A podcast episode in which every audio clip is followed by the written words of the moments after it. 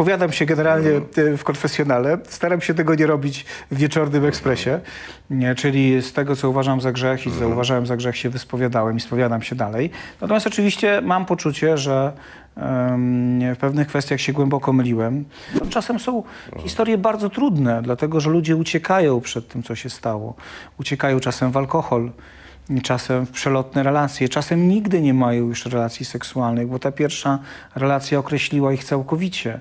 E, Czasem mają zdewastowane, też nie zawsze, bo pamiętajmy, te historie są bardzo różne. Czasem mają zdewastowane życie osobiste. Często spotykam się z księżmi, teraz trochę rzadziej, ale spotykałem się i najczęściej rozmowy były o czym? No polityka, tak? Polityce.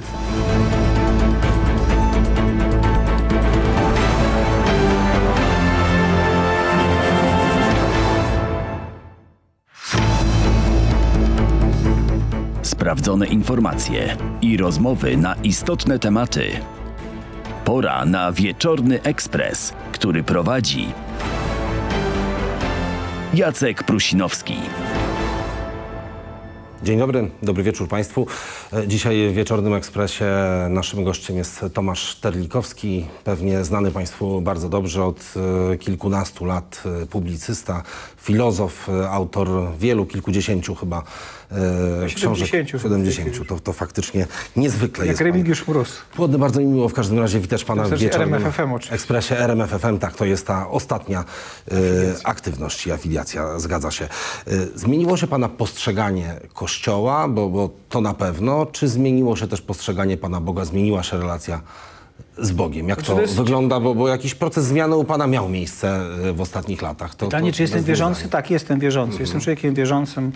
Nic się w tej sprawie nie, nie zmieniło. Jestem katolikiem. W tej sprawie też się nic nie zmieniło. Nie mam żadnego coming outu do przeprowadzenia. Natomiast oczywiście zmieniło się postrzeganie Kościoła. Zmieniło się e, nie dlatego, że przestałem wierzyć w jeden święty, powszechny i apostolski Kościół, e, tylko dlatego, że zobaczyłem i doświadczyłem bardzo mocno, jak część tego Kościoła e, czasem z dobrej woli, z powodu zakorzenienia w takim głębokim systemowym myśleniu, nie jest w stanie okazać zupełnie takiej fundamentalnej empatii osobom skrzywdzonym, dlatego że zobaczyłem, że tych osób skrzywdzonych jest nieco więcej. To nie mówimy tylko o krzywdzie seksualnej.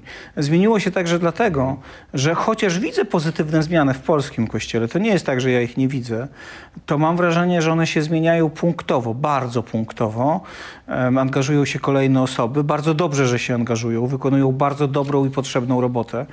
Przykładowo Marta Titaniec i Fundacja Świętego Józefa, ksiądz Piotr Studnicki i Biuro e, Delegata do Spraw Ochrony Małoletnich. Natomiast mentalność nie zmienia się w ogóle. A co gorsza, w związku z tym, że część ludzi Kościoła e, poczuła taki głęboki wiatr w żagle związany z tym, że popiera e, ich w tej chwili władza i władza roz, taki bardzo silny... W tej chwili w sensie od parasol- 2015 od roku. tak? 2015 roku bardzo silny parasol ochronny rozpostarła, to wydaje się tej części ludzi, że władza załatwi za nich ewangelizację, władza załatwi za nich e, zmiany, które są konieczne i władza uchroni ich od odpowiedzialności za zaniedbania, które część z ludzi Kościoła, podkreślmy część, bo nigdy nie wszyscy, po prostu popełniła. Ale powiedział pan e, te, te słowa o świętym, powszechnym i apostolskim kościele, czy ciągle świętym? Święty świętością Chrystusa, tak zawsze było. To znaczy, to nie jest tak, że Kościół jest święty, bo tworzą go święci ludzie. Nie, tak nie jest. Nie jest święty dlatego, że tworzą go fantastyczni hierarchowie. Jak popatrzeć się na hierarchię w Polsce, nie tylko teraz, tylko historycznie. To dalece nie wszyscy hierarchowie byli święci. Prymas Poniatowski jest doskonałym przykładem tego. No, był prymasem, był biskupem. No, do świętości było mu daleko, tak powiedzmy bardzo łagodnie, tak jakby się chcieć czepnąć nawet do poglądów katolickich. Było mu dość e, daleko. Święty nie jest dlatego, że jego członkowie są święci, ani dlatego, że struktura jest święta. Biurokracja generalnie e, święta nie jest. Biurokracja jest biurokracją, czy świecka, czy kościelna. Jest święty. No to jest szczególna biurokracja. No nie jest, tak, znaczy ona szczególna, to jest właśnie zazwyczaj-. Szczególna to często znaczy jeszcze gorzej. To znaczy kiedyś Lord Acton em, powiedział, że e, jeżeli władza, każda władza deprawuje, władza absolutna deprawuje absolutnie, to ja powiem, władza uświęcona deprawuje w sposób kompletnie niespotykany, bo ludziom się wydaje i tym, którzy są rządzeni, i tym, którzy rządzą, że z samego faktu przynależności do hierarchii wynikają jakieś szczególne uprawnienia. Otóż nie. Jak ktoś jest bucem, to jak zostanie wyświęcony, nadal będzie bucem. Jak Albo ktoś nie umie zarządzać, czasem nawet większym, jak ktoś nie umie zarządzać, no to nie będzie umiał zarządzać nadal. To nic się nie zmieni od święceń. Święcenia dają coś innego. Świętość pochodzi nie od e, hierarchii, tylko pochodzi tylko i wyłącznie od Chrystusa, od Boga, który przez ręce ludzi, którzy są zawsze niegodni, jest w stanie ofiarować Kościołowi, jak głęboko wierzę Eucharystię, jak głęboko wierzę spowiedź, sakrament spowiedzi, także inne sakramenty i wreszcie, mimo wszystkich upadków ludzkich, wszystkich błędów, wszystkich potknięć, no, sprawia, że w tej wspólnocie głoszona jest Ewangelia. Lepiej, gorzej, czasem w pełni, czasem trochę mniej w pełni, ale jednak jest głoszona. Gdyby nie ta wspólnota, to to, co jest fundamentem tego przekazu, który usłyszeliśmy w ostatnich dniach, jesteśmy w oktawie e, Wielkiej Nocy, w ostatnich dniach usłyszeliśmy fundamentalne przeka- przesłanie do chrześcijan, ale przecież nie tylko do chrześcijan, że jest ktoś, kto jest silniejszy od śmierci, jest ktoś, kto jest silniejszy od bezsensu, jest ktoś, kto jest silniejszy od wszystkich naszych grobów. On z nich nas może wyprowadzić. No to tą, ten przekaz usłyszeliśmy od Kościoła. Pamiętajmy, od Kościoła to nie znaczy tylko od hierarchii. Kto jako pierwszy poszedł, mm, zobaczył zmartwychwstałego? Kobiety. I to kobiety poszły do, dzisiaj byśmy powiedzieli, biskupów. Wtedy to po prostu byli uczniowie, apostołowie. Też Przekazały te informacje. I to one przekazały. E, Panie redaktorze, to jeszcze przypomnę naszym e, widzom, e, słuchaczom, może nie tyle przypomnę, co poinformuję, że, że sonda jest, w której mogą Państwo wziąć udział. Zachęcam do wzięcia tego udziału w sądzie na YouTubie. Czy uważasz, że polski Kościół jest w kryzysie? O tym oczywiście będziemy też rozmawiać. Zachęcam Państwa też do zadawania pytań naszemu gościowi właśnie za pośrednictwem czata YouTube'owego. No za jakiś czas e, te pytania e, przekażę Tomaszowi e, Terlikowskiemu. To jeszcze, jeżeli chodzi o Pana relacje z Kościołem, ale też z Bogiem, to, to to, co zmieniło się w Panu, jeżeli chodzi o, o postrzeganie Kościoła, no nie tylko przez pryzmat no, pedofilii i, i e, problemów e, w tym obszarze, ale myślę, że też e, no, na przykład takie sprawy jak, jak LGBT i podejście do tych osób, to, to też zupełnie inaczej pan, innym językiem mówi teraz niż Mówię kilkanaście językiem. lat temu. Dlatego mówię innym językiem, że doświadczyłem spotkania z osobami, które mówią o tym, że ten język je Ale rani. wtedy pan ich nie znał? Znałem, ale e, Pan wtedy mówił, że ma przyjaciół gejów, i dalej mam. I dalej mam. To wtedy nie mówili, a Wtedy- teraz mówią? Nie, wtedy też mówili, tylko wtedy wydawało mi się, że twardy język cokolwiek zmienia. Nic nie zmienia. Że można twardym językiem głosić Ewangelię miłości. Nie można. E, dlatego, że forma jest przekazem. Marszał Mhm. McLachlan to mówił bardzo mocno. To znaczy, jeśli jestem nieprzyjaźnie nastawiony do kogoś, nawet nieprzyjaźnie, nieprzyjaźnie, jeżeli jestem Ale za to nie była ostry... kwestia formy tylko, moim zdaniem. Tylko, tylko... Znaczy, ja bym powiedział, często to była kwestia formy. Teraz pan o tych ludziach, nie- to, to nie jest tak, że wtedy pan mówił e, źle, bardzo ostrym językiem, a teraz pan mówi źle o tych osobach, tylko że bardzo łagodnie. Tylko pan teraz po prostu nie mówi o nich źle. Znaczy mówię Wtedy o nich. pan o- o- przegrał proces na myślę, przykład, Że wtedy, wtedy też wszystkich starałem się mówić dobrze, co najwyżej o czynach wydawało mi się, że mówię źle. jasne. E, teraz wiem, że nie da się tego tak łatwo oddzielić. Nie da się tak Człowieka łatwo powiedzieć tak? Człowieka od czynu, dlatego że e, człowiek jest całym konglomeratem skomplikowanej Mhm. historii. Jego czyny także są efektem skomplikowanej historii. Poza materią, Kościół to mówi bardzo jasno, jest jeszcze intencja, jest jeszcze samoświadomość, jest jeszcze wolność, jest jeszcze coś, co nas bardzo głęboko określa. I z tej perspektywy trzeba oceniać to wszystko razem, e, oceniając czyn, a nie człowieka. I to wszystko sprawia, że trzeba się patrzeć i próbuje się patrzeć na to inaczej. Kolejna rzecz, to jest coś, co mnie bardzo głęboko określiło, to jest spotkanie mm, z jedną ze wspólnot e, w Kościele katolickim, wspólnotą Emanuel, która ma w swoim, e, w swoim charyzmacie dwie cechy, dwie bardzo podstawowe, fundamentalne elementy. Pierwszą z nich jest adoracja. Adoracja, czyli wpatrywanie się w Najświętszy Sakrament, w coś, co jest tylko kawałkiem, na pierwszy rzut oka, kawałkiem chleba, Nie, tak żeby zobaczyć, jak Chrystus patrzy się na mnie. Kiedy widzę, jak Chrystus patrzy się na mnie, zawsze z pełną miłością. Chrystus na nikogo nie patrzy z nienawiścią, nikogo nie osądza, nikogo nie ocenia. Przyjmuje go z jego historią. To nie znaczy, To że nie zawsze kwestia historii tylko danego człowieka, tylko teraźniejszości. historią, to znaczy także teraźniejszością. Przyjmuje człowieka z miłością. To widzimy jest Ewangeliach. prostu, tak? Naj- Najostrzej Jezus ocenia uczonych w piśmie, faryzeuszy, takich jak ja byłem. No też z handlarzami zdarzyło. Z handlarzami nie mu się zdarzyło. Natomiast kiedy przyprowadzają do niego tych, których świat uważa za grzeszników, traktuje ich zupełnie inaczej. tak?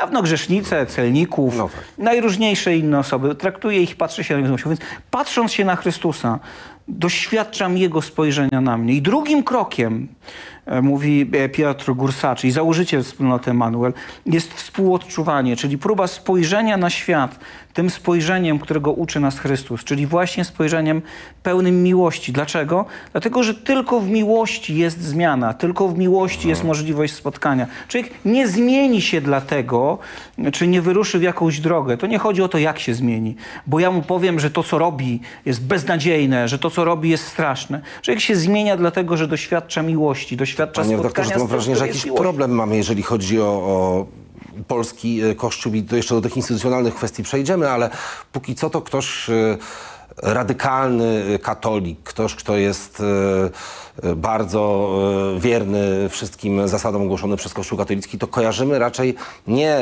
z radykalną miłością, o której pan teraz mówi, e, tylko raczej z taką postawą, jaką pan prezentował e, wcześniej, e, czyli e, takim twardym przestrzeganiem tych zasad, które zdają się być ważniejsze od człowieka. To tutaj potrzeba też jakiejś e, rewolucji? Znaczy ja powiem, ja znam, spotkałem i znam masę osób w kościele, które tak właśnie podchodzą do ludzi.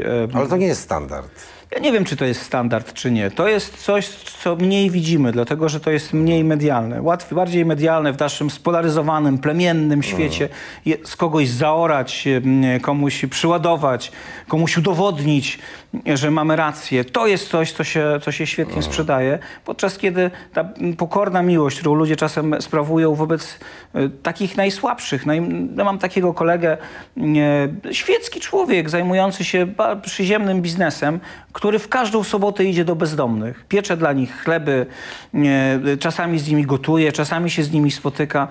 No, wychodzi do nich z miłości, on ich nie ocenia. Powiedzmy sobie szczerze, bezdomni zazwyczaj nie mają historii tak wziętych z telenoweli, takich, no, no nie prowadzili się dobrze. No tak. No. No nie jest tak, że... To, to są nałogi po prostu. To są nałogi, które do tego doprowadziły. To są czasami straszne historie, ale on ich nie ocenia, on do nich wychodzi. I tacy ludzie są w kościele. To są czasami księża, czasami są to siostry zakonne, czasem są to świeccy. Natomiast rzeczywiście w tym głównym przekazie najczęściej, to nie jest tak, że tylko, ale najczęściej słyszymy tych, którzy jadą jak czołgi. Ja też tak jeździłem, to jest moja wina. Ma pan wrażenie, że pan zrobił, nie wiem, sporo złej roboty dla kościoła w Polsce, dla, no, dla, dla Pana Boga, może tak daleko można powiedzieć. mogę że, powiedzieć, że był pan takim złym przykładem właśnie radykalnego katolicyzmu, że ktoś myślał sobie, jejku, to ja z takim kościołem to nie chcę mieć nic do czynienia z Znaczy, takimi takie- takie katotalibami jak ten e, Terlikowski. Ja mogę powiedzieć tyle, że spowiadam się generalnie e, w konfesjonale. Staram się tego nie robić w wieczornym ekspresie, nie, czyli z tego, co uważam za grzech i co uważałem za grzech się wyspowiadałem i spowiadam się dalej. Natomiast oczywiście mam poczucie, że w pewnych kwestiach się głęboko myliłem, e, szczególnie w formie, że pewnych ludzi mogło odrzucać moje zachowanie. E, Słyszałem też od ludzi, to nie jest żadna tajemnica, że przez Pana albo przez takich jak tak? Pan odszedłem z kościoła, tak, kiedyś usłyszałem to prosto w oczy. To chyba musiało strasznie boleć. i to jest pana, coś, przez Pana co- ktoś odszedł z kościoła. I to jest coś, co oczywiście człowieka bardzo głęboko dotyka. To nie jest tak, że można z tym po prostu zostać. To nie jest tak, że można po prostu z tym się oswoić. To jest oczywiście ból. Natomiast e, i to jest oczywiście takie poczucie, moje intencje tu nie miały znaczenia. To oczywiście nie było tak, że taka była moja intencja. Ale one nie mają ostatecznie znaczenia, bo liczy się mm, to, co się stało. E, Z drugiej strony, no, chrześcijaństwo i takie postrzegam, tak postrzegam Ewangelię, jest religią radykalnej miłości, ale jest też religią, która daje możliwość nawrócenia. To znaczy, kiedy odkrywamy, Chrystus nie zaprasza dla, do siebie idealnych, tych, którzy się nigdy nie mylili. Zaprasza z jednej strony nie, tych, którzy głęboko upadali, e, z drugiej strony tych, którzy byli właśnie faryzeuszami. Święty Paweł jest takim przykładem. On też uczestniczył w kamieniowaniu Szczepana i daje możliwość rozpoczęcia na nowo, czy wyruszenia w inną stronę, nawrócenia. To jest coś, co, co jest w chrześcijaństwie niezwykle ważne i próbuję na tyle, na ile potrafię, także przezwyciężać swoje własne cechy charakterologiczne, bo pewne rzeczy się nie zmieniają tak po prostu. To znaczy, Tak jak ktoś rozumiem, jest ta chęć na cholerykiem... przykład wygrywania w dyskusji każdej. No, tak? jak ktoś jest cholerykiem, to pozostaje cholerykiem. Jak ktoś ma parcie na szkło, to pewnie mu zostaje parcie na szkło. Jak ktoś lubi udowadniać komuś... większe. Jak ktoś lubi udowadniać komuś, że jest w błędzie, to mu to zostaje. To nie jest tak, że to się zmienia. no to- Natomiast próbuję... Dziennikarze tak dla sportu też lubią. Trochę dla sportu. Próbuję e, próbuję patrzeć się tak na świat, jak, jak, jak doświadczyłem spojrzenia Chrystusa na siebie, w Jego głębokim miłosierdziu, w Jego głębokiej akceptacji i mówić o tym. To nie jest tak, że to, o czym mówię, czy to, co robię, mm, teraz odkupi to wszystko, co, co, te wszystkie błędy, które popełniłem. Natomiast niewątpliwie jest tak, że Chrystus daje nam możliwość nawrócenia. To jest coś absolutnie fundamentalnego. Mamy ten obraz Mm, On akurat w tym tygodniu, w, te, w czasie tych liturgii nie był czytany, ale mamy obraz przepiękny, czy był czytany w długich formach. Obraz y, dwóch y, łotrów wiszących na krzyżu. No i jeden z nich nawraca się w ostatnim momencie. To jest też ta propozycja, którą mamy. Jesteśmy też w pewnym procesie życia, tak? To znaczy, to nie jest tak, że em, ja mam powiedzieć wszystko, co było wcześniej, było złe. To nie jest Nie, prawda. broń Boże, nie- to nie- jesteśmy takich w nie jakimś oczekiwałem, procesie, w procesie rozwoju. Pewnie gdyby nie błędy, które kiedyś popełniłem, byłbym w zupełnie innym miejscu. Jest taki mem niezwykły, gdzie się mówi, no gdybym wiedział to, co wiem, to bym nie popełnił tych błędów. A ktoś do niego mówi, gdybyś nie popełnił tych błędów, to byś nie wiedział tego, co teraz wiesz. Gdybym nie popełnił w swoim życiu błędów, które popełniłem, wielu różnych, nie tylko tych związanych z dziennikarstwem, to nie doświadczyłbym czegoś, co jest rzeczywiście absolutnie przemieniające. To znaczy spotkanie z czystą miłością miłosierną, z wybaczeniem, które jest absolutnie za darmo. To jest. Czasami ludzie się zastanawiają, dlaczego Piotr musiał się zaprzeć. No, to kompletnie absurdalne. No właśnie po to, żeby potem na tym brzegu jeziora galilejskiego usłyszeć od Chrystusa nie żadne pretensje, nie żadne wymówki. jest niesamowita scena.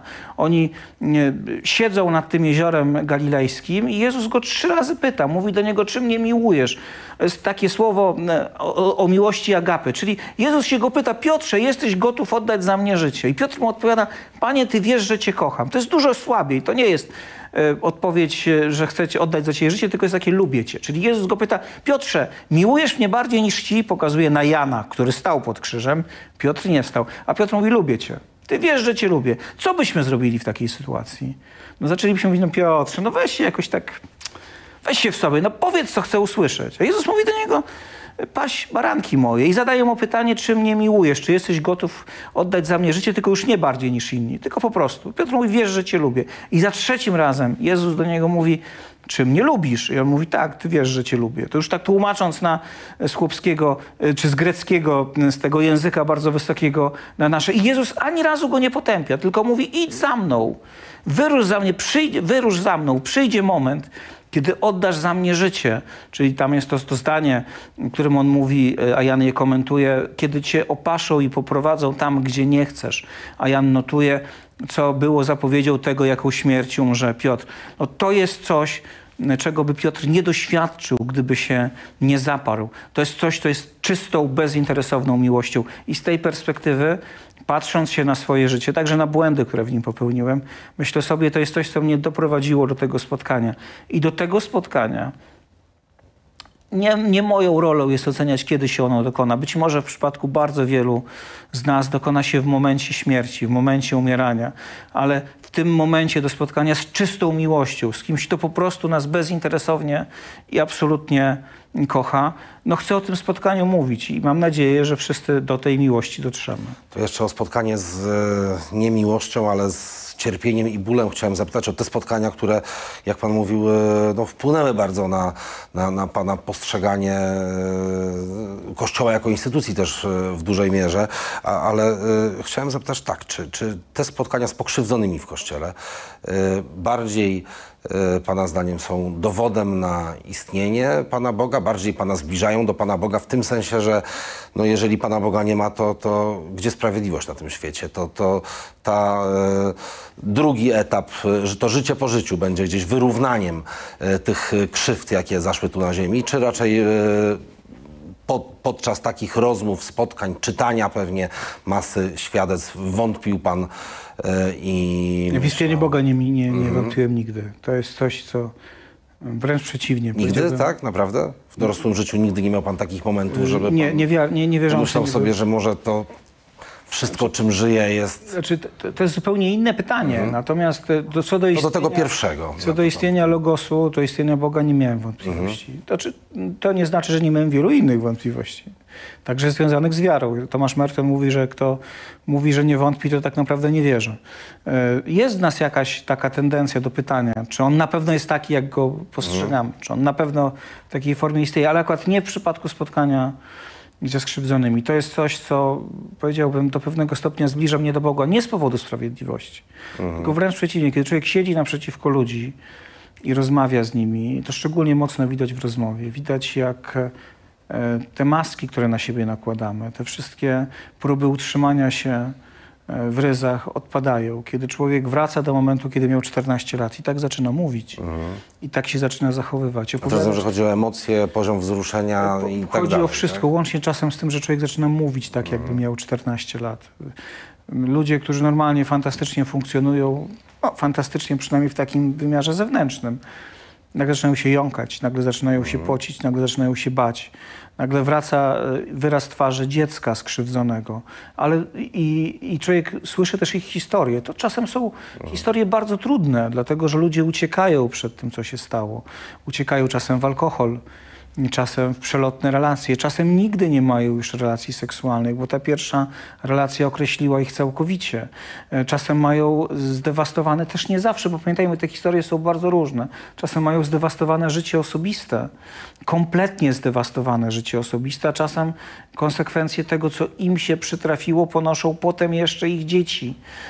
To jest, I to są historie, które człowiek myśli, patrzy się na to i myśli, no dobrze, ten sprawca, który notabene też niekiedy sam był ofiarą. Też go skrzywdzono kiedyś. To znaczy, niemała część krzywdzicieli to są ludzie, którzy kiedyś zostali skrzywdzeni. To absolutnie nie oznacza, że każdy skrzywdzony będzie krzywdził. W Ale jakaś zależność chodzi. jest, jak rozumiem. Ale jeżeli chodzi o sprawców, to znacząca część z nich to są ludzie kiedyś skrzywdzeni. Czyli ludzie, których Ale mówi pan, że pana te doświadczenia, i teraz te tak, świadectwa przybliżyły do, Tak, Boga? to- dlaczego? Dlatego, że człowiek siedzi naprzeciwko i myśli sobie, wcale nie chodzi o to o sprawiedliwość. No, można ukarać sprawcę. Można nawet wypłacić odszkodowanie. I trzeba moim zdaniem... Ale mi tego- bardziej chodzi o sprawiedliwość, o to, że, żeby te Tylko osoby bardziej- najbardziej skrzywdzone dobra też kiedyś doświadczyły w tak, tym znaczeniu najbardziej chodzi że- dokładnie o to, o czym mówił kiedyś e, Ratzinger do Habermasa. On mówi, jeśli nie ma czegoś po, jeśli nie ma Boga, to ostatecznie ta straszliwa krzywda, ta straszliwa nierówność, to straszliwe doświadczenie, nie tylko to, masę innych. To, że my żyjemy po tej stronie granicy, a ktoś inny żyje po drugiej i ma teraz wojnę. To, że ktoś żyje teraz w Afryce e, i żyje w kraju, którego nie ma i w którym jest głód i z którego ucieka. To jest przecież przypadek, że urodziliśmy się tutaj, a nie gdzie indziej. Więc żeby to wszystko mogło mieć jakikolwiek sens, żeby to wszystko mogło w jakikolwiek sposób zostać zaspokojone, to jest takim postulatem nadziei istnienie Boga i to, że On istnieje. I powiem, że oczywiście ja wiem, że to nie jest dowód, tak? To nie jest dowód intelektualny. Ale argument. Ale to jest bardzo silny argument. Znaczy, jeśli świat jednak jest jakoś matematyczny, my go tak poznajemy, my go tak doświadczamy, technika to pokazuje, to jeśli świat ma jakiś sens, no to pytanie, dlaczego nasze życie ma być go kompletnie pozbawione? I tą odpowiedzią na to pragnienie nadziei jest istnienie Boga. I z tej perspektywy to jest coś, co we mnie e, bardzo mocno pracuje. To jest też tak, że bardzo często, kiedy człowiek jest po długim spotkaniu z osobami skrzywdzonymi, albo to było szczególnie mocne, kiedy pracowałem, e, tworzyłem komisję do spraw Pawła M. Dominikańska. dominikańską. Po takich bardzo długich rozmowach. To nie tak dawno, tak? Ile to? No, Pięć to, lat temu? No nie, to było dwa lata temu. Dwa lata temu, okej. E, nawet jeszcze niecałe dwa lata temu, to kiedy człowiek był naprawdę zmęczony, to czymś, co mogło pomóc, było po prostu pójście do kościoła, klęknięcie i przed Najświętszym Sakramentem, tu mówiłem o adoracji, i powiedzenie, że ja sobie z tym kompletnie nie radzę. I rzeczywiście jest tak, że modlitwa, takie jest moje doświadczenie, ja nie mówię, że tak jest zawsze. Daje ogromną siłę, daje nadzieję. E, To nie jest prosta nadzieja, to nie jest tak, że wszystko się zmienia, nie działa magicznie, ale rzeczywiście pozwala zachować e, jakość w miarę możliwości pion i wrócić do tego, co się robi. To jest też tak, że wbrew temu, co się wydaje, bardzo wiele osób skrzywdzonych, znowuż drogi są różne, to są ludzie głęboko wierzący. Także no, często kontakt z głęboko, kościołem, inaczej nie byliby także w głęboko, skrzywdzeni, tak, gdyby się od także głęboko zaangażowani w Kościół. Bardzo głęboko. No, wtedy tak zwani drapieżcy seksualni mają dostęp do takich ja osób, mówię które już- są we wspólnotach Tak, ale i tak ja mówię, oni potem czasem doświadczyli A, już okej, po latach, i tak? po latach nadal są w kościele. To jest aż zaskakujące. Człowiek czasem pojawia się w jakiejś parafii, podchodzi Mhm. do niego ktoś i mówi, panie Tomku, ja też. Ja też. E, Czasem to mówi ksiądz, czasem to mówi siostra zakonna, czasem to nie jest skrzywdzenie w kościele. Ktoś do mnie mówi, panie Tomku, ja mam podobne doświadczenie, wie pan, tylko w szkole albo w domu. Albo Ale ostatnio y, no, zarzucają też panu osoby, które no, pewnie gdzieś tam lata temu y, były ideowo panu bliskie. Dzisiaj y, one często zostały na, na wcześniejszych pozycjach. Pan trochę y, swoje zmienił. Zarzucają, że pan zbyt uogólnia to wszystko, że pan na przykład ostatnio napisał y, na Twitterze chyba, tak? Że, Każdy z nas zna. tak, że każdy z nas zna, że w każdej wspólnocie takie osoby Są. są. Czy, Ale- czy na pewno w Znaczy, ja każdej, czy powiedzieć- każdy? To jest tak, e, to, to, to znaczy każdy ich zna. Jestem przekonany, że wśród naszych znajomych, pana, moich, naszych widzów są osoby skrzywdzone. No niekoniecznie się o Seksua- tym mówi. E, Seksualnie. Ja nie powiedziałem, że one są skrzywdzone w kościele. One mogą być skrzywdzone w bardzo różnych miejscach. Mogą być skrzywdzone w domu. Najczęściej dzieci są krzywdzone w domu. To zmienia mocno E, przez przyjaciół, ale to, to, tak od początku byłem. Że oni są w kościele, a nie Ale tak ta są została zrozumiana, prawda? Bo tam było w każdej wspólnocie. Tak. W każdej tak wspólnocie są, ale to nie znaczy, że są sprawcy. To znaczy, że są osoby skrzywdzone. W domu, w szkole, w klubie sportowym, także w kościele. Teraz one o tym nie mówią. Dlaczego o tym nie mówią? Dlatego, że wciąż jeszcze dominującą mentalnością w Polsce, nie tylko w kościele, jest niedowierzanie ofiarom. Oczywiście na poziomie medialnym wszyscy mówią wierzymy, natomiast na tym niższym poziomie to wcale nie jest oczywiste. Jeżeli osoba skrzywdzona cały czas słyszy, e, niemożliwe, żeby on to zrobił, a dlaczego sobie Ale przypomniała o co chodzi? 20 lat Boimy się, boimy się rozwalić jakiś porządek, czy ten, nie wiem, Boimy się bardzo wspólnoty. Boimy się bardzo wielu rzeczy. Po pierwsze, boimy się uświadomić sobie, że to nie jest nasza odpowiedzialność bardzo często, ale że w naszym otoczeniu działy się takie rzeczy, że myśmy je widzieli, ale ich nie dostrzegali. Widzieliśmy, że nauczyciel zachowuje się niewłaściwie wobec naszych koleżanek czy kolegów. No ale to była pewna norma, tak, tak po prostu było. No, wszyscy to akceptowali. Boimy się powiedzieć, że jakieś rzeczy nas niepokoiły, ale nie zareagowaliśmy.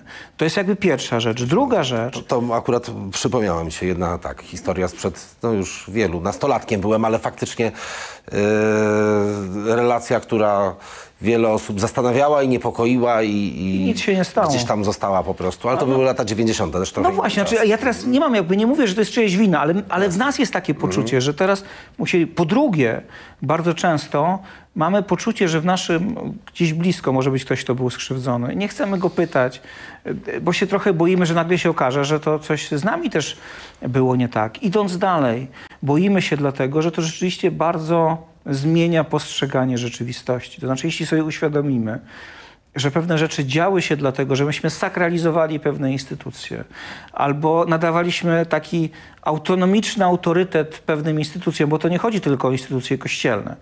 To przecież e, Ale głównie jednak, tak? to chodzi o kościół, ale chodzi o także ten- o rodzinę. Ja pamiętam taką rozmowę z pewną osobą skrzywdzoną, której, której, która mi mówi, panie Tomku, jest pan trzecią osobą, którą o tym mówię, której o tym mówię. Ja mówię, a rodzice, rodzina wie? Ona mówi, nie wie. Ja mówię, dlaczego? Ona mówi, pan, bo w mojej miejscowości hierarchia wartości jest bardzo prosta. Na samej górze był proboszcz. Niżej był ojciec, a jeszcze niżej był Pan Bóg. I on służył do tego, żeby usprawiedliwiać każde zło, które zrobili ci, którzy byli na górze. I teraz, jeżeli wyjmiemy autorytet księdza i ojca, to może się okazać, że w strukturze, którą sobie sami zbudowaliśmy, niewiele zostanie. I oczywiście nie mówimy o wielkich miastach. W wielkich miastach ten autorytet księdza od dawna jest mniejszy, ale mówimy o pewnej części Polski. Co więcej, to zazwyczaj jest tak, pamiętajmy, że sprawcy przestępstw seksualnych, księża, nauczyciele, lekarze, trenerzy, to nie są postacie, które mają na czole napisane jestem predatorem, tylko to są często naprawdę charyzmatyczne postacie, które robią masę innych dobrych rzeczy. Co Pewnie więcej, tym też potrafiły przyciągać. tym potrafią do siebie przyciągnąć. Co więcej, e, to nie jest tak, że przestępca seksualny bierze pewien cudzysłów, co mu w ręce wpadnie. On wybiera Ale to dochodzimy do konkluzji, że gdzieś upadek autorytetów, tak Upadek na takim ogólnym autorytetu, poziomie. to jest jakby że, że, że to jest dobre zjawisko? Znaczy, teraz tak, e, no, upadek fałszywych autorytetów jest dobrym zjawiskiem, tak. To znaczy powiedzenie, że w rodzinie też mogą się dziać złe rzeczy. Ale tutaj na, na wszystkich poziomach, jeżeli chodzi o nasze relacje społeczne, tak? Bo te autorytety, nie wiem, No dobrze, ale- pozycja nauczyciela w szkole, y, księdza w parafii, y, ojca w rodzinie Dobrym i tak dalej. zjawiskiem jest powiedzenie dzieciom, to, że ludzie mają autorytet, nie oznacza, że nie mogą cię skrzywdzić. I z ich autorytetu nie wynika, że ja ci nie będę wierzył. Dobrym zjawiskiem jest to, że teraz bardziej wierzymy dzieciom niż kiedyś. Dobrym zjawiskiem jest to, że mówimy dzieciom. Nie mówimy im, przy okazji Dalaj Lamy to było widać znakomicie. Te, te wyjaśnienie takie jak w tym oświadczeniu jego e, współpracowników. O, to taki żarcik był. tak. No i przecież ile dzieciaków usłyszało 20-30 lat temu, jak wujek je brał i głaskał po udzie. E, wujek tak ma, no taką zabawę sobie robi. Tylko, że dla nich to nie była zabawa. To było coś, co je głęboko zmieniło. Teraz, czy to dobrze, że mówimy? Teraz to, co zrobił wujek jest rzeczą złą? Nie, to jest dobrze. Czy jeżeli takie rzeczy robił ojciec, parter, matki, znajomy, przyjaciel rodziny. Czy to źle, że teraz mówimy, dorosły może cię skrzywdzić? Nie.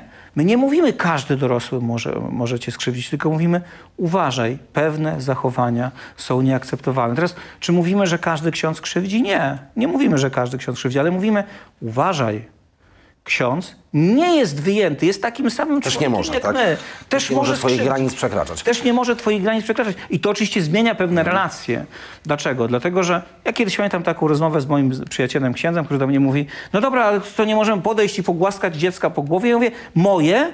Możesz, bo jesteś przyjacielem rodziny. Mhm. Ale dlatego, że jesteś przyjacielem rodziny, a nie dlatego, że jesteś księdzem. Dlatego, że jeśli godzimy się na to, żeby obcy człowiek podchodził i głaskał moje dzieci, czy je przytulał, tylko dlatego, że jest księdzem, to może się zdarzyć ktoś, ja nie mówię, że większość, ale może się zdarzyć ktoś, kto wykorzysta ten zwyczaj, przecież w gruncie rzeczy niegroźny, do tego, żeby skrzywdzić. I tak bardzo często było, pamiętajmy. Ja pamiętam, pan też to na pewno pamięta. Byliśmy młodymi chłopakami, chowaliśmy się obaj, jak zakłada przy kościele, z tego co, No tak, tak. z tego panu wiem. I było bardzo często tak, że byli księża, którzy obejmowali dziewczyny, chłopaków, przytulali ich, kąpali się razem.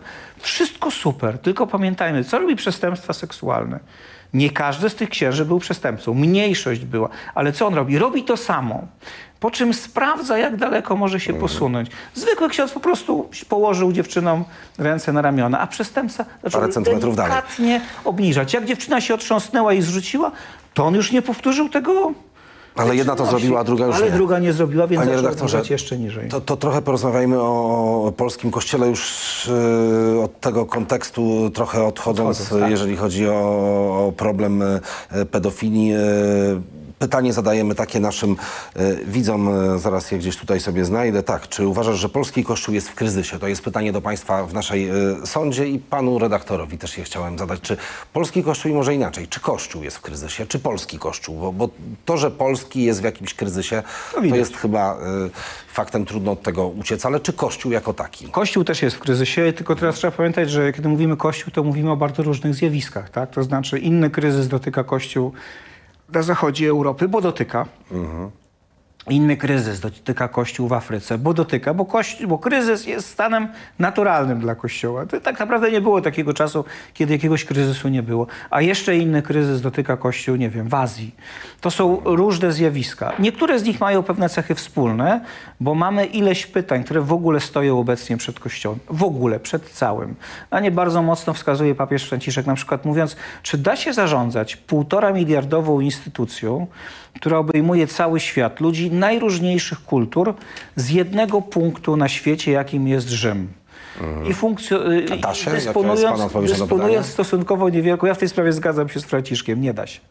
Trzeba część władzy opuścić na dół, ze świadomością, że pewnych kwestii nie widać z Rzymu. Czyli decentralizacja jest kościołowi potrzebna? Synodalizacja i decentralizacja jest Kościołowi potrzebna i ona się dokonuje. To nie dokonuje się od teraz, dokonuje się od dawna. Tylko papież Franciszek mówi, troszeczkę więcej tej władzy trzeba oddać niżej. Nie ma żadnego powodu, żeby ostatecznie było tak, że w całym kościele musi być celibat. Już go zresztą nie ma w całym kościele, bo po pierwsze mamy katolickie kościoły wschodnie, w których celibatu nie ma.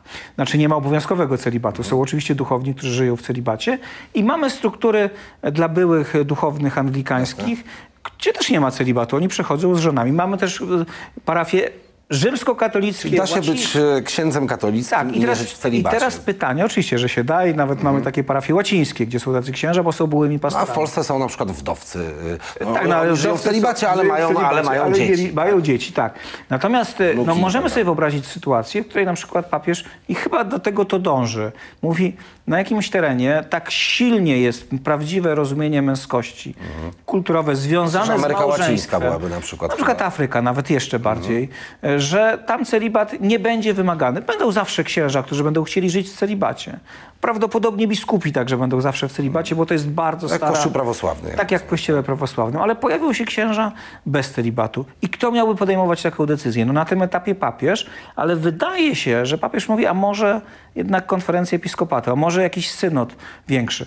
Zobaczymy. To jest jakby jedna rzecz. Druga rzecz, papież to mówi też bardzo e, mocno, nie tylko zresztą on. Mówi, są takie problemy, które nie dotykają Zachodu, a na przykład dotykają Afryki i powinny być rozwiązane w Afryce, bo tam je widać lepiej. A są takie, które dotykają Zachód, a nie dotykają Afryki. My cały czas mówimy, nie ma powołań, nie ma powołań, nie ma powołań. To prawda. W Europie Zachodniej, a nawet już w Polsce nie ma powołań. No w Polsce chyba są już takie e, seminaria, gdzie tam Już zamykają. są roczniki prostu, tak, już zerowe. je- to już powinny chyba w ogóle zamykają. być na poziomie marchidiecezji seminaria, Tak. bo to chyba nie ma sensu, żeby były diecezjalnie, prawda? I coraz częściej będą, już są w tej chwili zamykane, Rzym mówi, musi być 30 kleryków, żeby seminarium mogło działać. Niektóre jeszcze się prześlizgują, a niektóre zaraz się przestaną prześlizgiwać. Ale w Afryce nie ma problemu, że jest za mało powołań. Problemem jest to, że jest za mało seminarium, żeby wszystkie powołania przyjąć. To nie znaczy, że one są wszystkie doskonałe, te powołania, ale problem jest zupełnie inny. Więc mamy problem z władzą. Pytanie o to, czym jest władza. Drugi problem, jaki mamy, o tym mówi bardzo mocno nie tylko papież Franciszek, także jego poprzednicy, jest pytanie o władzę papieską. Znaczy, mówiąc inaczej, znaczy, jak ona ma być sprawowana. To znaczy, co ma znaczyć synodalne papiestwo? To pytanie zadawał już Jan Paweł II zresztą, dodajmy. Kolejne pytanie, to jest pytanie, Żyjemy w świecie, szczególnie jeżeli mówimy o świecie zachodnim, emancypacji, bardzo głębokiej emancypacji kobiet. Ona całkowicie zmieniła społeczeństwa. To dobrze, że je zmieniła, żeby nie było wątpliwości. Natomiast Kościół z tej perspektywy zostaje jedną z ostatnich instytucji, Psalm mogą zaśpiewać w kościele. mogą zaśpiewać, tak, bo zostały Dziewczynki, kwiatki, lektorkami i jakonikami Jest, jest parę ról faktycznie których tej, tej emancypacji w takiej stopniu nie ma. W polskim kościele jest jeszcze mniej, bo pamiętajmy, na przykład w kościele niemieckim jest sekretarka, sekretarzyni, no, sekretarz episkopatu, pani sekretarz episkopatu. W Polsce nie do pomyślenia. Chociaż no, przecież to jest czysto biurokratyczna Techniczna, funkcja. Dlaczego miałaby nie być? E, no ale to się bardzo To jest powoli... osoba świecka, tak? Jest osoba świecka, kobieta świecka. Notabene wszystko wskazuje na to, to tak trochę żartobliwie powiem, że w związku z tym, że jest silny nacisk na emancypację kobiet i te zmiany się dokonują w Kościele, to za chwilę będzie więcej świeckich kobiet na różnych stanowiskach w Kościele niż świeckich mężczyzn, bo mówi się, no mężczyźni są. Tylko pamiętajmy, doświadczenie osoby świeckiej, mężczyzny świeckiego jest nieco inne. Wiele rzeczy przeżywamy tak samo oczywiście, ale pewne doświadczenia mamy inne, więc głos zarówno świeckich mężczyzn, jak i świeckich kobiet powinien być obecny. To jest także wyzwanie. Tych parę obszarów zmiany mamy, tak? Ale jeżeli chodzi o polski kościół, no bo nasz polski kościół, to oczywiście te wszystkie obszary, które pan wspomniał, też go dotyczą jak najbardziej. Tak, ale- ale u nas przede wszystkim to, to ta zmiana, która jest najbardziej widoczna, to jest taka, że kościoły pustoszeją. To nie jest może jakieś zjawisko z roku na rok, tego przecież nie widać, ale, ale, ale jak Ale sobie już kilkudziesięcioletnią perspektywę przyjmiemy, to, to te kościoły pustoszeją, a pewnie znamy też, pan ma dzieci już takie e, dorosłe chyba, tak? No, jedno jest dorosłe. Więc y, ma pan kontakt z nastolatkami, z takimi osobami, e, które wchodzą To w badań dorosłość. też wynika, nie to muszę mieć. Tam też, no jak spojrzymy na, nie wiem, procent uczniów w Warszawie, którzy uczęszczają na lekcje religii na przykład, tak? To jest, To już już znikomy. mniejszość. Tak, więc teraz No właśnie, więc co z tym polskim kościołem? Czy on będzie za chwilę naprawdę, no może nie marginesem, ale absolutnie Marginesem nie mniejszością po prostu? Myślę, tak? że już jest mniejszością, największą z mniejszości. Ostatnio na- napisałem o tym, ona się za chwilę Tak, ukaże w centrum. Warszawy byłem e, e, z, z w Wielką Sobotę ze Święconką, to No tam to na święconkę drzwi e, wszyscy, się nie zamykały, tylko... Ale święconka jest rytem kulturowym, a nie religijnym. Ona notabene większość No ale te bramy powie, jednak trzeba powinna być w niedzielę, a nie w sobotę. To, to zostawmy. E, napisałem taką książkę Wygasanie i moim zdaniem ona się ukaże. Najnowsza 26 pozycja, tak? 26 kwietnia będzie premiera dla wydawnictwa Wygasanie z literackiego. zmierzch mojego kościoła, tak, Tak. się dokładnie tak E, książka tak. nazywa. Poprzednia Dlaczego to wygasanie? Polak katolik, Polska ateistka, to niedawno czytałem. Tak. E, dlaczego wygasanie? Dlatego, że pewnie i pan, i ja, i bardzo wielu naszych słuchaczy ma takie doświadczenie, że urodziło się, wzrastało, wychowywało w państwie potęgi i w kościele, Kościoła. który był potęgą. To znaczy, czy ludzie byli wierzący, czy nie, to Kościół miał znaczenie. Ja jeszcze pamiętam, jak zaczynałem pracę w Radiu mm, Plus zresztą, to pamiętam, jak Ja cały czas. biskup e, pstrykał palcem, a politycy do niego jechali, żeby załatwić jakieś sprawy. On mówił, musicie się dogadać. Oni się nie zawsze dogadali, ale jechali. Dotyczyło to również polityków lewicy, dodajmy. To nie jest tak, że tylko politycy prawicy jeździli. Donald Tusk też tak jeździł. E, I zdarzało się nawet Aleksandrowi Donald Tusk, Kwasińskiemu. no to wtedy był kościół łagiewnicki, kościół A, to toruński, ja jeszcze Tusk też rekolekcje przecież W tej Platforma miała. chwili to raczej swoje. Mhm. polityk pstryka palcem i biskup idzie z nim coś załatwić. Może to jeszcze tak nie wygląda, że pstryka, ale to już nie jest tak, że, że politycy zabiegają o przychylność biskupów, tylko raczej biskupi za, zabiegają o przychylność e, polityków. Idąc dalej, powiedział pan o tej młodzieży. Ja pamiętam Mhm. kościół, w którym było pełno młodzieży. Naprawdę było pełno młodzieży. To znaczy drzwi parafii się czasem nie Nie, zamykały. jasne, no, pielgrzymki chociażby do Częstochowy, na które chodzili W tej chwili ich- y, wszyscy, czy byli mniej, czy nie bardziej ma. wierzący, to, to po Mówi prostu. pan o tym, że kościoły pustoszeją wolno, to prawda, ale jeśli chodzi o ludzi młodych, No to tak. te wskaźniki są dramatyczne. Jesteśmy najszybciej obok Japonii, laicyzującym się społeczeństwem wśród ludzi młodych. No i dokąd to zmierza? Gdzie jest jakiś y, punkt docelowy? Jak pan to widzi? Dokąd to zmierza, to ja nie wiem. Ja mogę powiedzieć tyle. Proces laicyzacji, który w Polsce następuje, jest e, procesem, który nastąpił wcześniej w innych krajach zachodnich. Więc możemy przypuszczać, że zmierza to w tym samym kierunku, co No w tam krajach rozumiem zachodnich. 68 rok, tak? Ja Tam zaczęło się trochę wcześniej, trochę później, w różnych momentach. To też nie było tak, że to No ale ta zmiana kultury, rewolucja było kulturowa wtedy jakoś tam była. To jedna rzecz, ale jest druga rzecz nie mniej istotna. Otóż okazało się nagle, że społeczeństwa zaczynają się grupować wokół czegoś innego. Holandia jest znakomitym przykładem. Dlaczego holenderski kościół był taki silny? Dlatego, że elementem tożsamości nie tylko religijnej, ale społecznej części Holendrów był katolicyzm. Katolicy mieli swoje kluby sportowe, swoje związki zawodowe, swoje fabryki, swoje kluby. Rozumiem, że Irlandia Wszystko też, tak? Swoje. No, Irlandia w ogóle miała swoje. To, tak, tam to już wszystko było kościelne. Tam było jeszcze ostrze i jeszcze bardziej dynamicznie. Potem się to rozpadło, bo społeczeństwo się zaczęło No, ale laicyzować. u nas też ta tożsamość w PRL-u, tak, że Kościół y, Tak, ale, my, ale Kościół oczywiście nie miał wszystkiego w PRL-u. To jest inna historia. Natomiast Jeżeli będziemy zmierzać...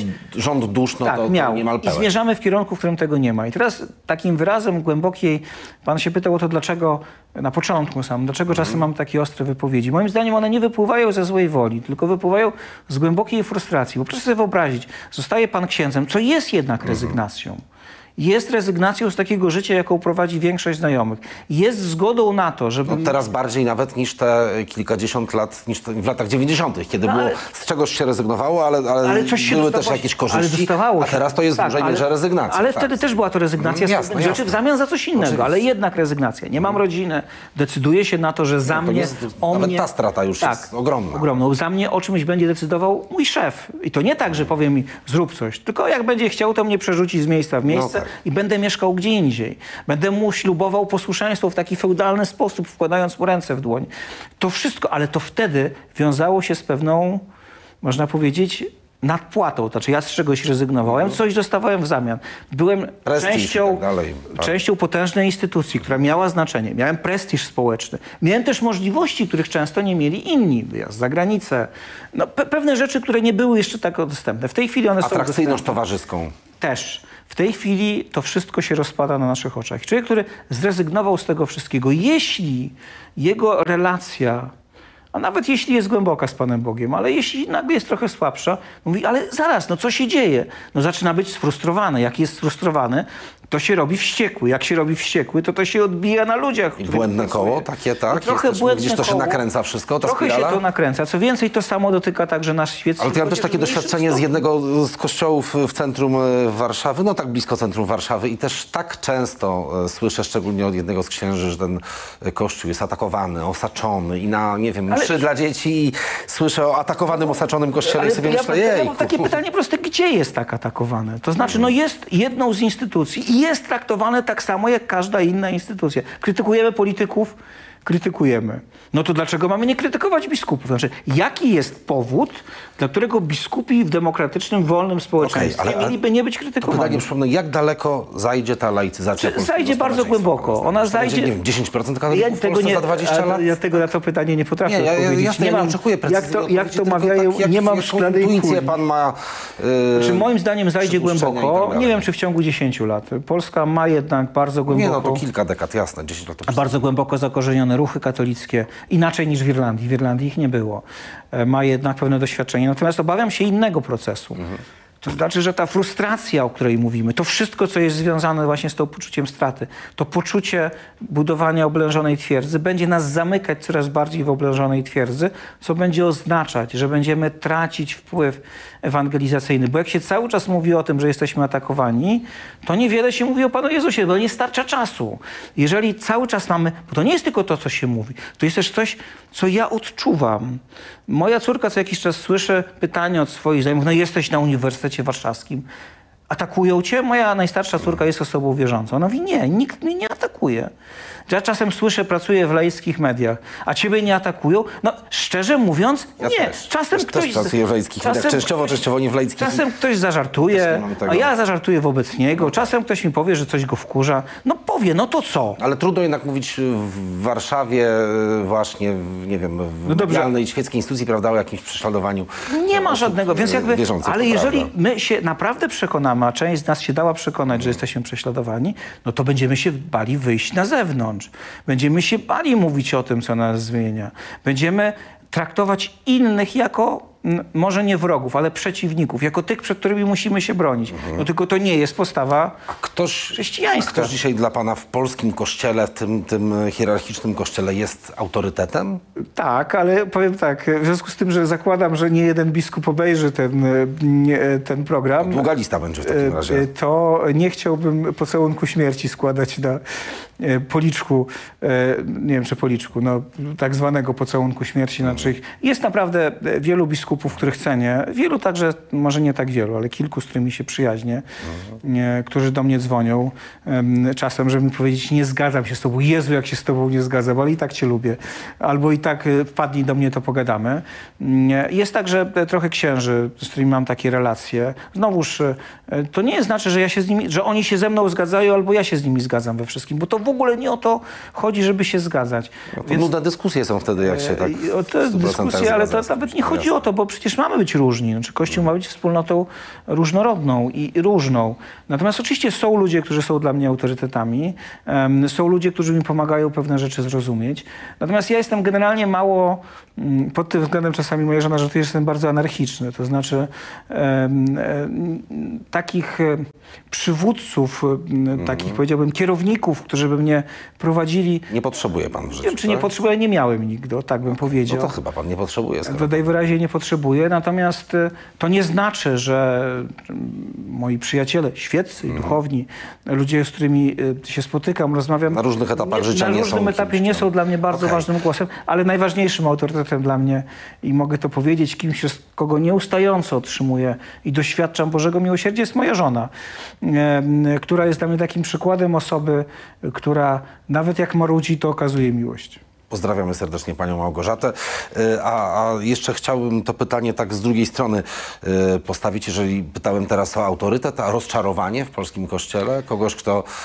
Nie chcę No, mówić, może- znaczy znowuż, bo możemy oczywiście znowuż tą listę pokazywać. Nie chcę, znaczy kogo krytykuję, to wiadomo, to nie jest żadna tajemnica.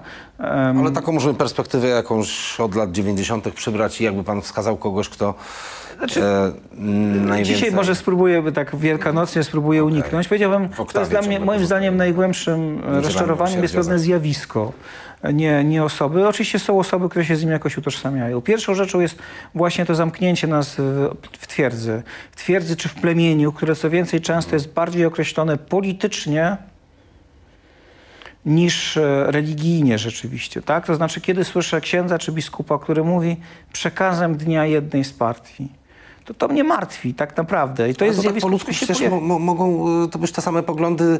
y, To nie jest kwestia y, Tak, słuchania przekazu dnia danej partii i chęć Ja- ja- promowania ja- tej partii, twier- tylko można mieć Tak, podobny tylko- światopogląd. po Można prostu, mieć, tak? tylko, tylko moment, w którym ksiądz czy biskup głosi kazanie, nie jest momentem, w którym powinien się dzielić swoimi przemyśleniami politycznymi. A to jasne, Jak tak, chce, może to zrobić przy kawie, przy herbacie, spotkać się z kimś.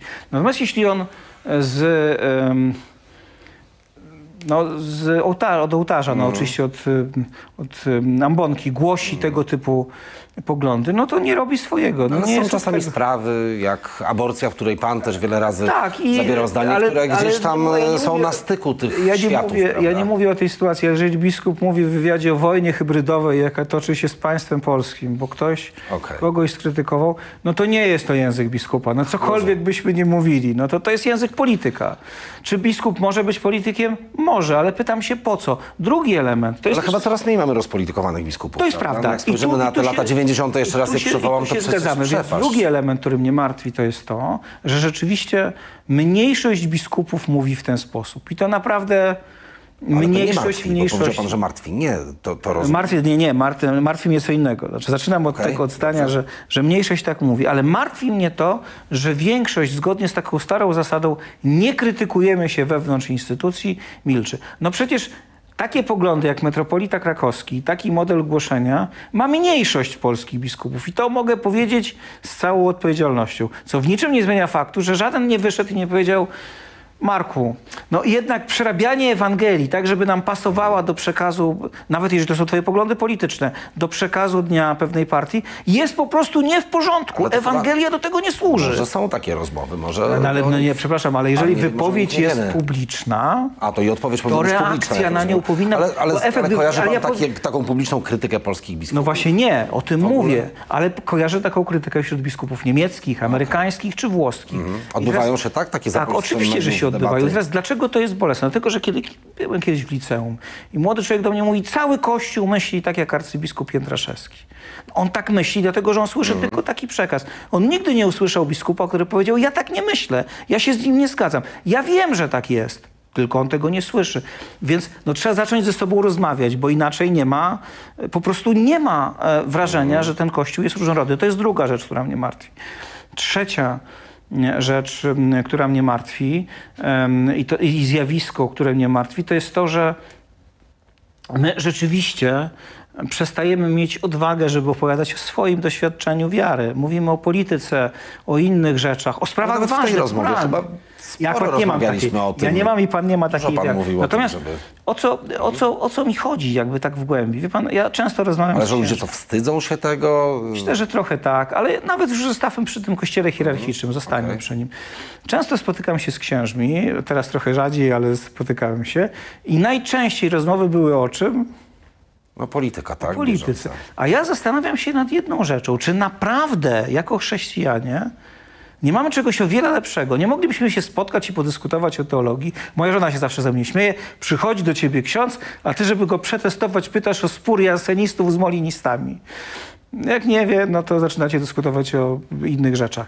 E, ale naprawdę mamy coś takiego, co powinno nas zachęcać do dyskusji o tym. Znaczy, tak sobie myślę, że ksiądz, nie jestem księdzem, ale tylko tak myślę, ma coś i może e, robić coś, czego ja nie jestem w stanie zrobić. Może odpuszczać mocą Chrystusa grzechy.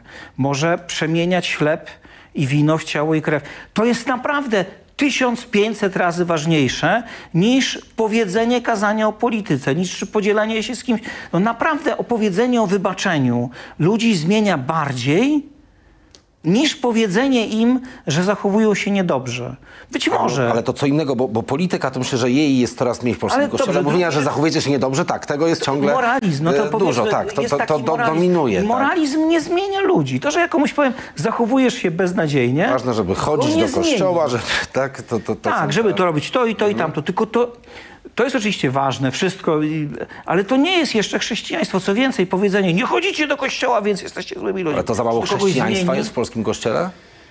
Za mało jest y, Boga po prostu w polskim kościele? Za dużo jest y, rytuałów Oczywiście i... ja wierzę w to, że Bóg jest, bo jest Eucharystia, jest wiele innych Mhm. rzeczy, natomiast za mało mówimy o tym, co najważniejsze. Za bardzo się skupiamy na moralności. To nie jest tak, Mhm. że, my, że my się zbawiamy, bo jesteśmy dobrymi ludźmi. Nie. No przecież Kościół od zawsze głosi, zbawia nas łaska Chrystusa. Ale to w tym wyrośliśmy, jak sobie przypomnimy, nie wiem, czasy podstawówki, te e, To trzeba robić pytania. to i to i to. Moralność to jest, Boże, no... No tak, ale nie moralność nas zbawia. Zbawia nas Chrystus, zbawia nas łaska. I teraz co więcej, mówienie o moralności nikogo jeszcze nie zmieniło. Ma pan dzieci? tak, tak. Więc y, czy jak pan im truje, to one stają się lepsze? No, nie, nie jest to jakieś przełożenie jeden do jednego, to prawda. No więc moje nie stają się lepsze od tego, że im truję, natomiast stają się lepsze przez to, że je przytulam, że im mówię, że je kocham. Za mało im to mówię. Także dlatego, że my wszyscy wyrośliśmy w domach, może nie wszyscy, ale wielu z nas, którym było tego za mało. Nasi rodzice często jeszcze nieśli w sobie traumę wojny, czasem nie swoją, ale dziadków, naszych dziadków. No tak, no urodzili się Nie było takiej bliskości, więc my sami się tego uczymy. Uczymy się coraz bardziej, ale, ale mam wrażenie, że Kościół jeszcze, Mhm. nie, nie wszyscy, bo są w Kościele ludzie, którzy się tego nauczyli, za mało uświadamia sobie, że trucie, jęczenie i marudzenie nie zmienia ludzi. Zmienia ludzi miłość. Doświadczenie miłości. I to nie znaczy, bo znowuż to, nie działa w taki sposób, że jak okazujemy miłość, to dzieci stają się idealne. Nie. To znaczy, że my im towarzyszymy, jesteśmy z nimi. Wiemy, że życie, także życie wiarą, albo nie wiarą, jest drogą. To znaczy, ja nie jestem od tego. Ja mogę chcieć obdarować swoje dzieci wiarą, ale Pan Bóg nie ma wnuków. To znaczy, z faktu, że ja jestem wierzący, nie oznacza, że moje dzieci będą wierzące. To, co ja im mogę No, dać, to to jest zawsze problem z y, kwestią łaski wiary. no, to już zostawmy, bo to, trudna Ale to tak. dyskusja, ale to, co ja im mogę obdarować, to jest to, że one będą wiedziały, że ja je zawsze będę kochał, niezależnie od tego, jak wybiorą. Ale, ale to z tego, co pan mówi, to, to polskiemu kościołowi jest potrzebny jakiś, y, no nie właśnie ten wcale instytucjonalny, ale, ale przewrót y, w ogóle, jeżeli chodzi o nauczanie, podejście do, do tych, którzy do tego kościoła przychodzą. Kardynał Walter Kasper napisał taką książkę Rewolucja czułości. E, ja bym powiedział, tak, potrzebujemy głębokiej, nie tylko w polskim kościele. Rewolucji, Przepięknej- polski kościół, kościół potrzebuje rewolucji. Rewolucji e, empatii i rewolucji czułości. To znaczy takiego odkrycia, że ogromna większość z nas jest ludźmi, wszyscy, jesteśmy głęboko poranieni. Bardzo wiele z naszych czasami głupich, nieroztropnych, błędnych wyborów wcale nie wynika z tego, że my strasznie chcemy grzeszyć, strasznie chcemy być niedobrzy, strasznie chcemy łamać te normy, tylko z tego, że nasze, że czegoś szukamy, że nasze życie nas tak określiło, że nie jesteśmy w stanie działać inaczej. Święty Paweł mówi, chce dobra, wychodzi jak zwykle. No on mówi, oczywiście wychodzi zło, ale wychodzi jak zwykle. I teraz odkrycie tego także w sobie, bo pierwszym krokiem jest taki znany holenderski ksiądz, który mówi, że pierwszym krokiem pasterza jest doświadczenie, że on sam jest zraniony, czyli odkrycie, że on w sobie nosi pewne rany. I że to jest Jego bogactwo, bo przez te rany przychodzi Chrystus. No to jest coś, czego potrzebujemy, tej głębokiej zmiany. Walter Kasper, papież Franciszek mówi o rewolucji czułości, o rewolucji empatii. A tu generalnie chodzi o to, żebyśmy zaczęli się na siebie patrzeć. To, to o tym mówiłem, o tym No współodczuwaniu. tak trochę przyspieszę jeszcze, bo, bo czasu nam nie, nie, nie tak dużo zostało. Nie chcę pana tak długo męczyć, ale o papieża Franciszka jeszcze chciałem zapytać. Czy, czy, czy to jest e, e, papież, który we właściwą stronę prowadzi e, Kościół i czy Na to pytanie pan odpowiedzą następcy. Uważa, że, że w którymś momencie się mylił w swoich sądach, ruchach, Ja działaniach? powtórzę jeszcze raz. To znaczy, oczywiście papież jest nieomylny, kiedy wypowiada się w sprawach wiary Wiary, i jasne. moralności ex cathedra. Kiedy ostatnio papież wypowiadał się ex cathedra w sprawach wiary i moralności? Kiedy Pius XII ogłaszał dogmat o wniebowzięciu Najświętszej Maryi Panny. Żadne... XIX wiek, tak? Nie, XX, y, połowa XX wieku, lata 50. E, Później nie było wypowiedzi nieomylnej ex cathedra. Więc papież jest człowiekiem omylnym, na, także kiedy sprawuje swój urząd. I Franciszek, tak jak Jan Paweł II i Benedykt też. W których sprawach się mylił, a w których sprawach miał rację, może się okazać, że będziemy wiedzieć to za lat 20 czy 30. Znakomitym przykładem jest, na pewno pan pamięta, to była debata wokół wojny w Iraku, w której wszyscy byli za, a Jan Paweł II był przeciw. A ja nachodziłem na manifestację, pamiętam, pod ambasadę amerykańską. To pierwsza manifestacja, na której byłem. No, proszę bardzo, to jak pan jak Jan. Paweł II był wtedy. Ale to nie, nie inspirowane akurat ale, ale Janowem większość II. Polaków wtedy była Mhm, za tą jasne, wojną. tak. Nie tylko Polaków, Amerykanów, w ogóle większość zachodnich katolików. To miał rację Jan Paweł II. Więc być może są kwestie, w których uważamy, że mamy rację, a rację będzie miał Franciszek. Generalnie uważam, że papież Franciszek, e, mówiąc o synodalności, idzie w dobrym kierunku, chociaż sam nie zawsze jest synodalny. To trzeba uczciwie powiedzieć. Papież Franciszek jest człowiekiem, który twardo rządzi wszystkim, czasami za krótko. Uważam, że błędy popełnia w stosunku do tradycjonalistów. To znaczy nie tak się załatwia te sprawy. My wiemy, że to, że to się nie sprawdziło za jego poprzedników, którzy i tak byli łagodniejsi. Mówię o Janie Pawle II, bo Benedykt akurat poluzował. Um, Głęboko nie rozumiem i nie zgadzam się z polityką papieża wobec wojny. Rozumiem, z czego ona wynika, natomiast uważam, że jest to błędne rozeznanie, po prostu.